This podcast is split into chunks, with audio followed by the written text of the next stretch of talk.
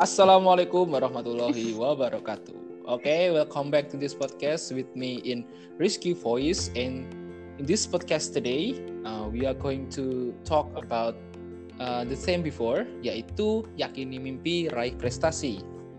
Oke, okay, yang kemarin kita tahu bahwa podcast dengan tema tersebut kita mengundang Nahraul Mu'alifah di podcast sebelumnya yaitu seorang siswi dari Madrasah Sanawiyah Al Muslihun Kanigoro Blitar. Dan untuk podcast kali ini dengan tema yang sama, nah kita mempunyai tamu lagi. Tamu yang spesial bukan Nahraul Mu'alifah lagi tetapi berbeda. Nah, nanti kita akan membahas beberapa hal yang mungkin perlu untuk dibahas dan juga perlu untuk dicermati bareng-bareng untuk pembelajaran kita bersama nantinya. Oke, uh, tidak usah uh, panjang kali lebar kali tinggi untuk berbicara, langsung saja ini dia uh, tamu kita malam hari ini. Oke, halo. Halo Safina. Halo. Safina, siapa namanya panjangnya? By the way. Halo. Safina Nur Faiza. Oke. Safina, Safina artinya Nur apa sih? Faiza. Tahu nggak? Safina apa? itu kalau dari bahasa Arab perahu. artinya Nur itu cahaya. perahu. Oke, Faiza? Perahu.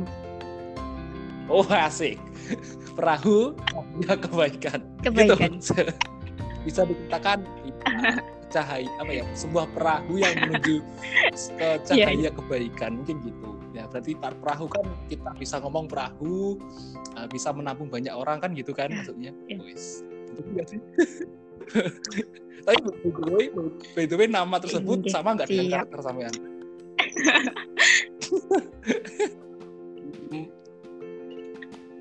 masih bingung kan hmm. oh, oke okay. kan masih berusaha Oke, okay, antara masih berusaha. nama dan diri saya untuk saat ini. Oh iya siap, nama ada doa, jadi nanti nah, masih berusaha, siap, masih doa, doakan ya. pastinya. Oke, okay. Safina Nur Faiza, alumni MTS Al Muslihun, ya, betul? Tahun? Iya betul.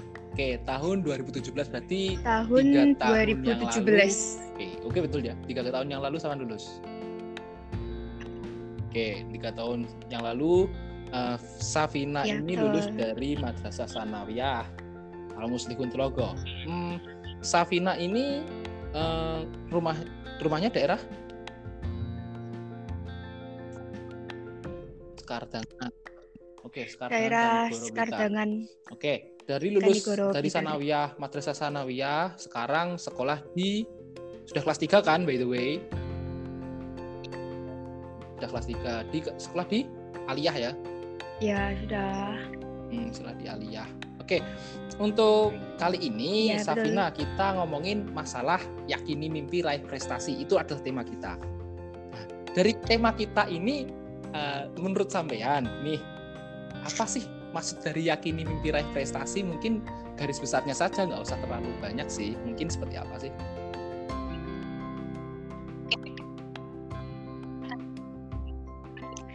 Oke, kalau menurut saya tentang yakini mimpi, hmm. raih prestasi itu di saat kita berani bermimpi, oh, di saat itu pula kita harus bisa mewujudkannya.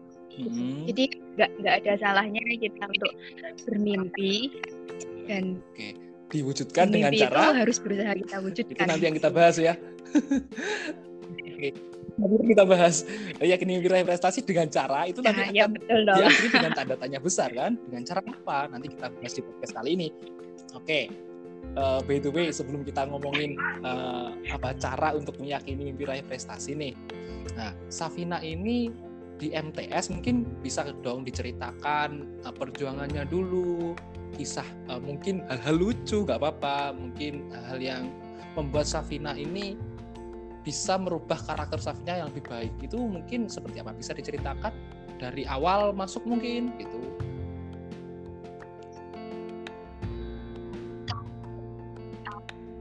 Hmm, kalau dari awal masuk MTS dulu mungkin bisa dikatakan dari MI saya dulu kan dulu saya sekolah di MI ya terus melanjutkan ke MTS Al Muslim Logo nah di MTS itu oh. saya masuk dengan kaum kategori hmm. kaum minoritas lah ya bisa dikatakan seperti itu karena iya loh kenapa soalnya dari satu angkatan di sana oh, gitu? itu cuma aku aja dari MI aku gitu kan ya cukup di cukup kalau dan di, tidak ada teman dari iya, awalnya gitu. Alam. Ya sendiri gitu. Nah, terus? Iya. Jadinya kayak ah. di kan di lingkungan sekolah yang baru terus masih sendiri dan itu merupakan sebuah benar-benar tantangan untuk harus bisa iya sih pas masuk adaptasi gitu. secara cepat apa ini teman-temannya teman-teman siapa gitu nggak nggak minder atau gimana atau pede ada apa? aja gitu atau pede gue aja gitu kalau uh, iya. uh, kalau dulu waktu pendiam. awal masuk gitu ya uh. hitungannya saya termasuk pendiam okay, ya siap. termasuk pendiam uh, uh. masih awal ya masih awal hitungannya pendiam terus habis itu sekelas kan hmm. sekelas saling kenalan sebangku awal sebangku dulu terus ke temennya teman-teman akhirnya ya alhamdulillah bisa dapat berbagai daerah. baru Aceh sampai Merauke. daerah apa dari Sabang ke Merauke gitu. oke. Oke eh. ya berbagai daerah ya masih sedikit masih sedikit dekat lah dengan rumah gitu. saya. Tapi Jadi, kan udah, uh, salah satu satunya gitu. siswi dari MI ya yang masih sendi sendirian masuk ke MTS. Nah, masuk masuk ah gimana? Ya bukannya Oh, bukannya dari, dari MI sendiri, cuma eh sendiri, dari ya, MI saya itu cuma sendiri gitu. Setelah itu masuk di kelas 1 ya. aktifnya di mungkin uh, kegiatan atau mungkin gimana? Atau mem memulai. Maksudnya maksudnya caranya Safina itu untuk memulai adaptasi yang baru dan mungkin apa ya mengembangkan diri Safina mungkin seperti itu. Ada mungkin cara-caranya dulu gimana?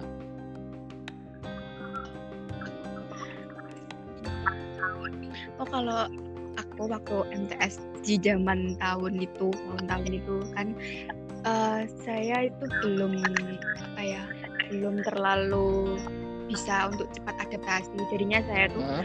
beberapa pekan atau bahkan bulan itu saya uh. cuma uh, kenalnya itu cuma sekelas saja gitu kalau kelas-kelas lain kan belum kan dulu kelas 7 tujuhnya itu kan terpisah sama kelas 7 yang lain tuh. Nah, jadinya kita satu kelas itu baru itu di disendirikan oh, dan itu bersandingan dengan kelasnya kakak kelas. Uh, berbeda gedung atau gimana? Nah, gitu.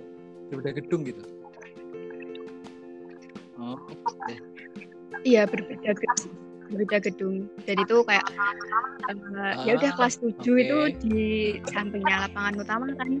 Itu ya kita kayak kecil sendiri gitu di samping-sampingnya kakak kelas kakak kelasnya itu uh, diem. kalau masih kecil kakak gitu. diem.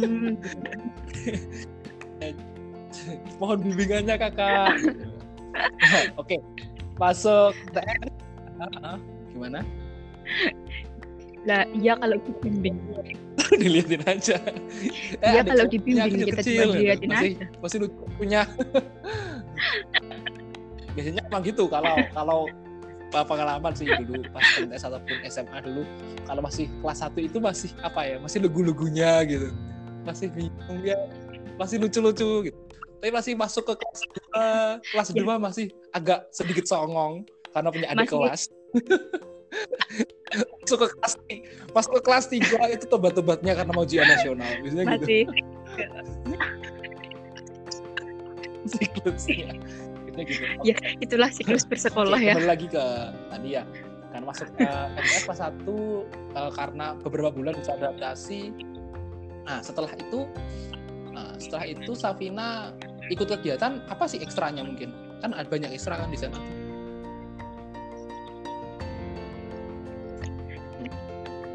Uh, iya uh, banyak sih sebenarnya tapi pas kelas tujuhnya itu saya uh, kayak belum belum kenal ya belum kenal dengan ekstra ekstra uh. di situ jadi kalau waktu oh, dulu gitu? itu kelas tujuh gitu? kalau masuk ekstra itu kayak takut gitu loh.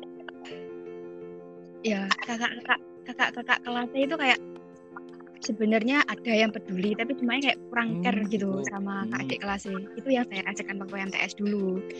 Nah selama kelas 7 itu saya nggak nggak ikut ekstra apa pun benar saya nggak ikut ekstra apa pun.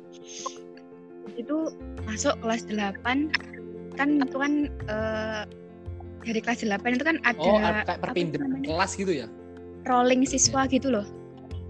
Jadi uh, tapi uh, jadinya teman uh. sekelas itu dulu uh, di oh. apa ya yang peringkatnya mungkin seperti itu dipindah ke kelas lain terus dari kelas lain juga dipindah ke kelas ini kan uh. kita dapat kelas dapat teman baru lagi nah di situ kita kalau saya pribadi tuh adaptasi lagi soalnya kan kebiasaannya mereka dan kebiasaan kita yang sekelas dulu itu kan nggak sama. Jadi kita kelas delapan itu sering pro kontra gitu. Yeah. Ya sering berantem. Ya uh, kayak lo kan pernah itu uh, lomba kelas.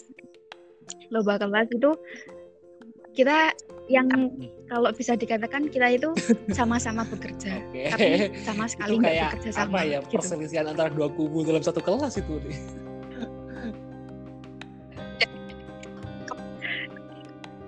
Iya, dan dulu itu kelas 8 itu kan kita gabungan dari kelas dari empat kelas. Jadinya sebagian temanku keluar dari ke kelas yang lain, terus dari tiga kelas itu masuk ke kelasku. Jadi kita empat empat kelas dalam empat satu kelas, kelas itu kayak satu kelas. ya ampun ini kelas rame gitu Malia nih.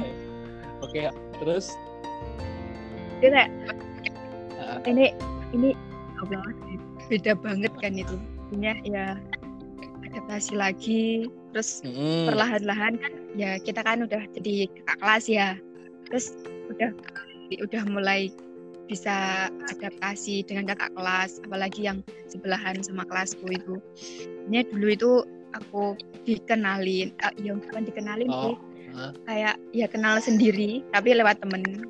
Kan temen itu temenku itu punya kakak kelas 9 ya. Kakaknya itu kan ya ya juga sering ngobrol gitu. Terus aku diajak itu kita ada apa sih kayak pendalaman pendalaman uh, pelajaran tambahan tentang IPA terpadu jadinya aku mulai tertarik hmm. gitu ada ya ternyata seperti ini gitu terus habis itu karena aku ya lumayan tertarik aku coba-coba dulu setiap hari Sabtu setiap hari Sabtu pulang sekolah itu okay. berapa anak uh, itu apa tambahan belajar sama seorang guru kita paling cuma oh. sekitar enam sampai tujuh orang ya? itu nah dari situ itu beda, itu beda mulai, dengan ekstra ya itu bukan ekstra kulikuler tapi kayak apa? tambahan pelajaran gitu oh gitu Iya, gitu. oh, kayak ikut, beda, ikut, beda, terus beda sama ekstra. Terus habis itu ya aku mulai bisa lah, soalnya kan gurunya itu juga care juga, sering cerita, oh kakak kelasmu itu gini gini gini gini, you caranya deketin itu gini gini gini, you know, biar bisa lebih akrab gitu toh. Terus ya melalui guruku tambahan belajar itu aku sedikit bisa apa? apa ya? Uh, apa dapat motivasi uh, motivasi gitu mungkin? Apa ya? uh, ya, uh, uh, mungkin seperti itu mungkin seperti itu soalnya dulu itu kan kelas dari kelas 7 uh. sampai kelas 8 pertengahan itu kayak aku itu di tuh oh, lempeng-lempeng aja gitu. Ya, ya kayak ya, sekolah eh, sekolah uh, pulang-pulang gitu. Kayak apa ya, siswa terus. siswa yang lain sih kayak umumnya gitu. Sekolah sekolah dapat jajan jajan pulang-pulang udah. Uh, Iya kayak ini ini tujuan sekolah kok kayak nggak meningkat gitu akunya dari segi pelajaran kok. Ya udah cuma cukup bisa gitu aja. Oh. di sebab ini bisa di sebab yang lain nggak bisa gitu. Nggak ada kemajuan gitu. Uh-huh. terus sampai akhirnya kelas 9 kelas 9 itu uh, aku bercerita tentang awal apa ya bisa dikatakan awal uh, untuk apa sih? Oh, membuat membangun ekstra, membangun, sebuah ya? ekstra, ekstra gitu. eh, membangun ekstra, serius, bangun ekstra. Sebenarnya itu ah. dari kelas 7 itu sudah ada namanya pramuka wajib toh.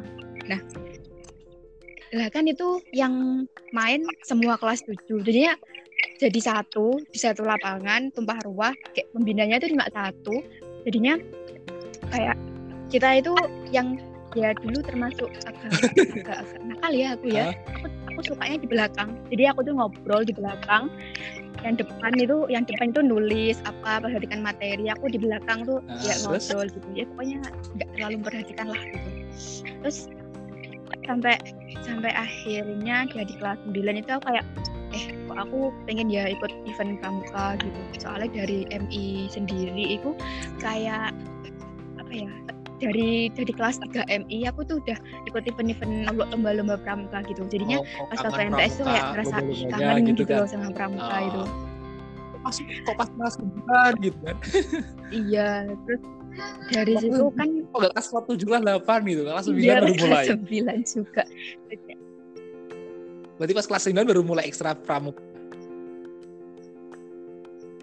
Udah dong. Oh, gitu betul betul aku agak lupa. Aku kelas 8 sebenarnya kelas 9 sih lebih tepatnya. Soalnya kelas 9 itu yang kelas 9 jadi kelas 9 A B C D gitu ya yang mau ikut pramuka maksudnya ikut apa ya yang seneng dalam tanda kutip seneng oh, pramuka itu dari sekian siswa itu cuma empat orang. Dan itu dua cewek dua cewek dua cowok dan Mari. semuanya oh, yang ikut itu adik kelas semuanya kan. Jadinya saat itu benar-benar sebuah kesempatan gitu loh. Aku itu di sini udah lama tapi kok lempeng-lempeng aja yo gitu. Jadinya ada kayak kerentek di hati gitu loh. Aku pengen oh, tuh okay. pramuka tuh biar lebih maju gimana gitu. Jadinya sedikit. Dan dulu oh, iya. itu uh, itu siapa Oke. Okay. Kak Zen baru kan masuk baru kan di situ jadi pembina baru. Jadinya jadinya kalau itu aku lupa ya. Lupa. Bener-bener lupa. Pokoknya pas waktu kelas 9 itu yang dampingin pramuka kita itu udah Kak Zen. Jadinya Apa? jadinya ya ya ya, oh, gitu. seperti itu. Berarti ngomongnya uh, itu awal mula gitu. memper apa ya berkembangnya sebuah ekstra hmm. di situ berarti ya. Oh gitu. Ya pernah ngomong kok kok gini loh kok kita selama dua tahun di sini kok kayak nggak pernah ikut event gitu ya gitu. Sementara per tahun hmm, itu muka kan kayak selalu aktif apa gitu tuh uh, event-eventnya gitu. Ya setengah setengah bingung juga ini kok oh, gitu. nggak ikut event pramuka kenapa ya gitu. Jadi mulai dari hmm. event pramuka dari event kecil pramuka itu aku kayak uh, punya keyakinan oh kalau kamu berani bermimpi dan kamu berusaha untuk mewujudkannya dengan benar, segala gitu. cara hmm. ya maksudnya cara yang benar gitu ya uh, ya kalau kamu punya niatan yang mantep dan kamu punya jalan yang tepat buat oh, menuju iya. mimpimu itu kamu pasti bisa meraih gitu loh jadinya ya alhamdulillah lah untuk kelas 9 aku oke dapat uh, dua event, dua ya itu uh, banyak sekali kan pastinya uh, apa namanya apa uh, pengalaman ya pasti didapat pembelajaran pasti banyak kan kalau ikut uh, nah, oke okay. untuk yeah. Iya, uh, itulah beberapa cara sih mungkin ya. Yakini mimpi raih prestasi dengan cara ya bisa Safina tadi nah, teman-teman bisa mendengarkan tadi kan ceritanya.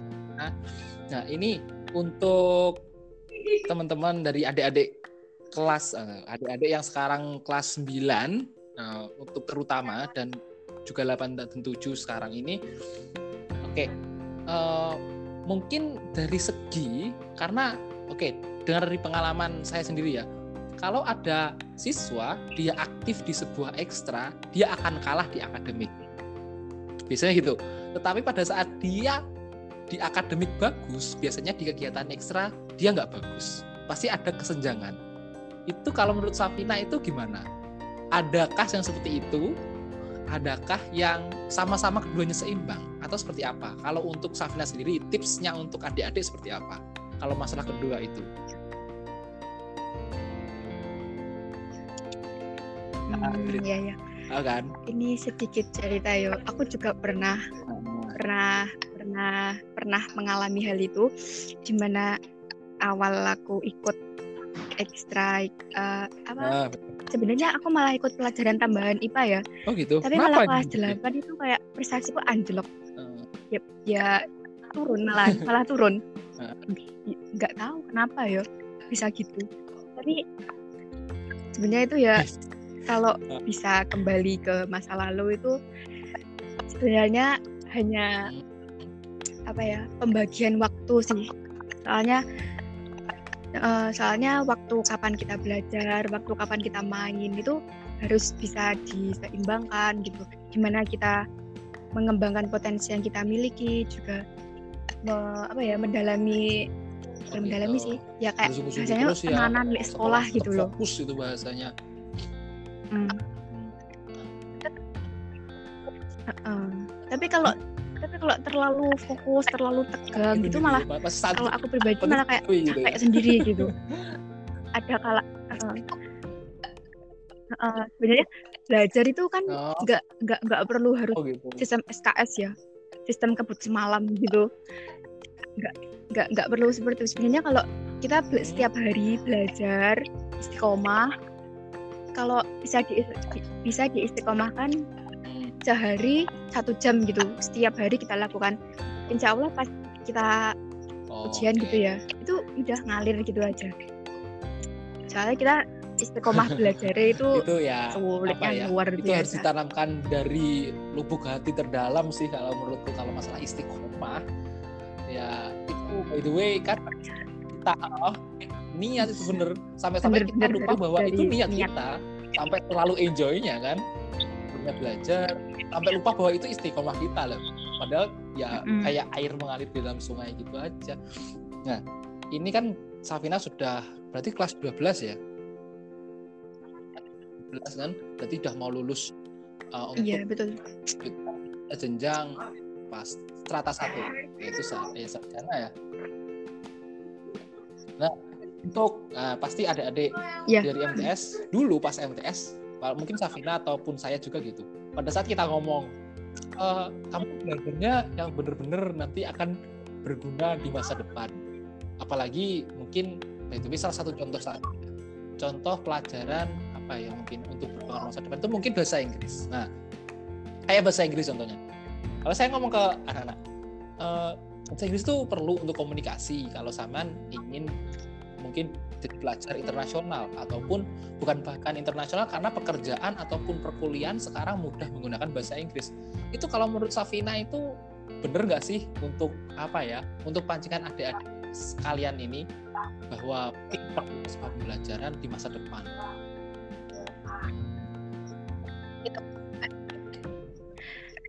Nah itu bahasa Inggris benar-benar sangat sangat sangat penting untuk tahun-tahun modern seperti ini. Dan saya sendiri itu kayak ya menyesal banget gitu. Saya dulu waktu MTS itu kayak ih apa sih bahasa Inggris lawang? Pernah mikir gini bahasanya itu lawang bukan bahasanya loh kok dipelajari? Gitu kan. Nah. Nah jadi jadi waktu itu aku benar-benar ya ya udahlah bahasa Inggris ya pelajaran di sekolah cuma gitu aja. Nah setelah lulus MTS masuk kan ke madrasah aliyah. Pasti. Dan kita uh. ketemu lagi dengan bahasa Inggris kan pastinya. Dan pas ya pas kelas 10 itu aku dihadapin sama dua apa ya dua bahasa Inggris. Jadi dalam aku kelas 10 itu ada bahasa Inggris wajib sama bahasa Inggris peminatan. Nah bahasa Inggris wajib itu kayak mempelajari hmm. tenses grammar gitu-gitu kan. Nah kalau yang bahasa Inggris peminatan itu lebih ke speaking oh. lebih ke game pokoknya lang lebih fun gitu toh. Nah aku kelas 10 itu ketemu bahasa Inggris itu sudah kayak ketemu hantu gitu. Uh. kayak, ini beneran waktu aku madra iya waktu aku madrasah aliyah itu yang ngajar kelasku itu langsung oh. namanya itu oh. siapa sih? Ya, namanya Miss Elisa, Miss Elisa. Dia dari Amerika. itu bener-bener yang dari Amerika dua tahun. Ya. hmm, pernah dekat saya. Ya pernah yo pernah yo ya dia dia dari itu loh ah, apa nih yayasan atau apa namanya Peace Corps. Nah dia itu ketepatan nah. masuk di aliyah di aliyahmu itu selama dua tahun kalau nggak salah. Dulu saya juga ketemu radio gitu. Ah ya betul. Ah. Nah, lah kan kelas 10 kan langsung Betul. ketemu sama orang luar negeri gitu ya. Aku yang nggak paham bahasa Inggris itu cuma diem aja batin ini orang ngomong apa gitu. Jadi kayak awal kelas 10 aja aku sudah ngerasa ya Allah ini bahasa Inggris berat banget ya gitu. Jadi kayak ya ampun jadinya kerasa ya Allah ternyata selama MTS aku uh, menganaktirikan bahasa Inggris ternyata di sini ya Allah iya dia jadi anak emas nah, gitu. kayak uh, intinya tuh getunnya itu iya. uh, bener-bener dalam-dalam dalam banget. Seber, segitu besarnya ya, segitu pentingnya sih sebuah bahasa Inggris di apa ya untuk hal yang melanjutkan karir sih sebetulnya. Karena komunikasi internasional sih kalau bisa kita ngomong kalau iya, sekarang nggak bisa bahasa Inggris mungkin uh, ketinggalan zaman lah bahasanya kan gitu. Nah uh, uh, untuk nah sekarang nih uh -oh, fungsi iya, yang benar-benar apa ya nyata di dalam kehidupan wis mungkin di dalam apa edukasi mungkin masih di dalam kutip menjadi seorang pelajar yang nantinya akan menuju ke sebuah kata mahasiswa itu di perkuliahan. Nah, untuk kata bahasa Inggris, oke, okay, kata bahasa Inggris itu yang benar-benar real, hanya bukan angan-angan. Itu fungsinya seperti apa? Kalau Safina lihat.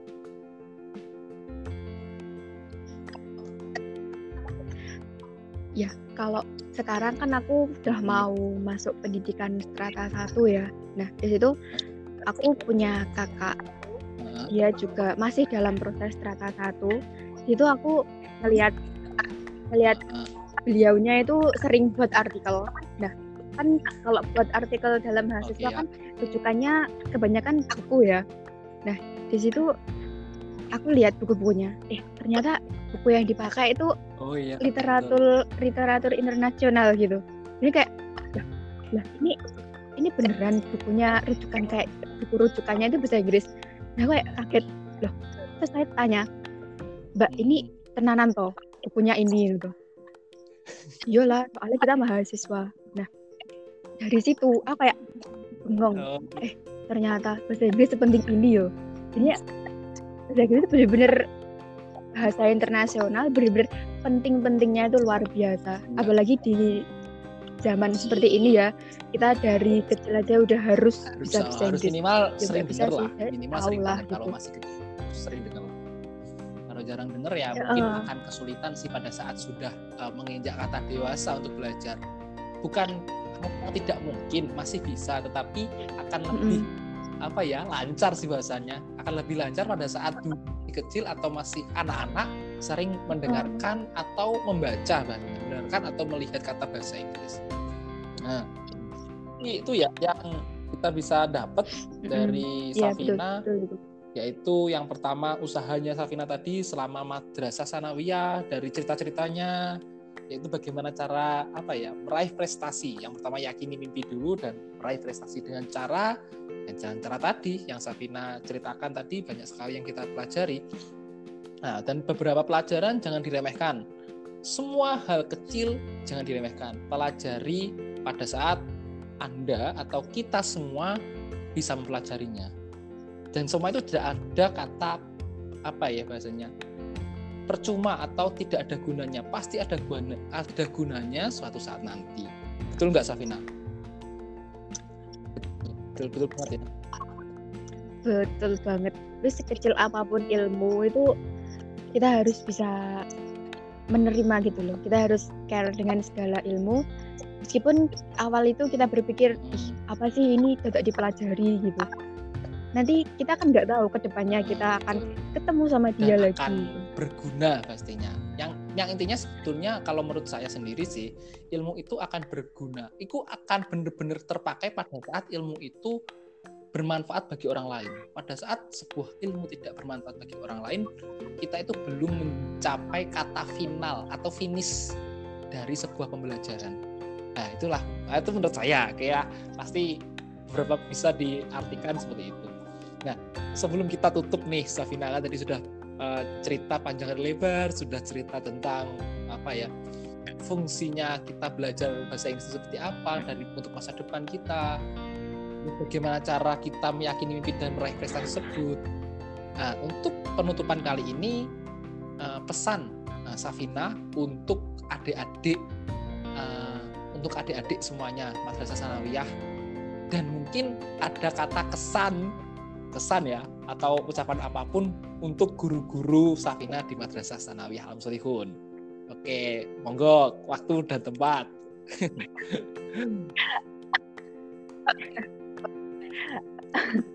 Oke, buat pesanku untuk adik-adik kelasku yang ada di MTS Al Muslihun Logo, ingat jangan remehkan ilmu apa pun, jangan remehkan guru di situ kalian harus benar-benar tawaduk sama guru kalian.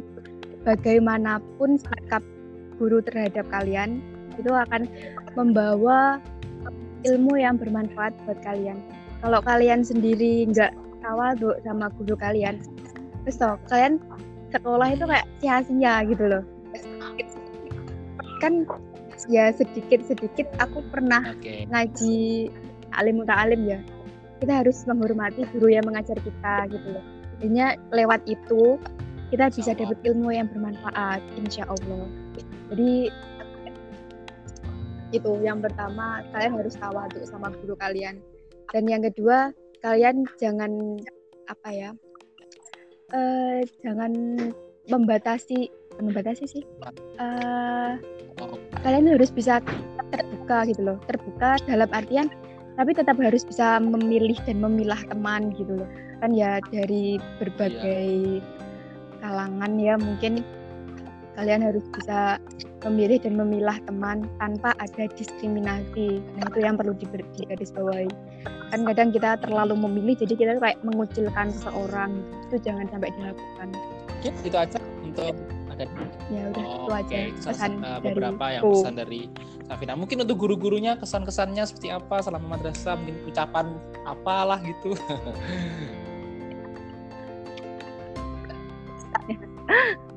Oke, okay, untuk kesanku dengan guru-guru MTS Lokal itu saya benar-benar berterima kasih gitu ya.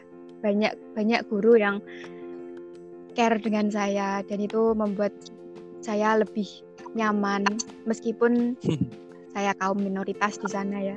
Jadinya terima kasih banyak atas segala jasa-jasa yang diberikan, atas segala ilmu yang diberikan, atas segala semua arahan dan bimbingannya selama ini. Itu saya sangat okay. berterima kasih sekali. Oke, itu saja sudah cukup Safina mungkin.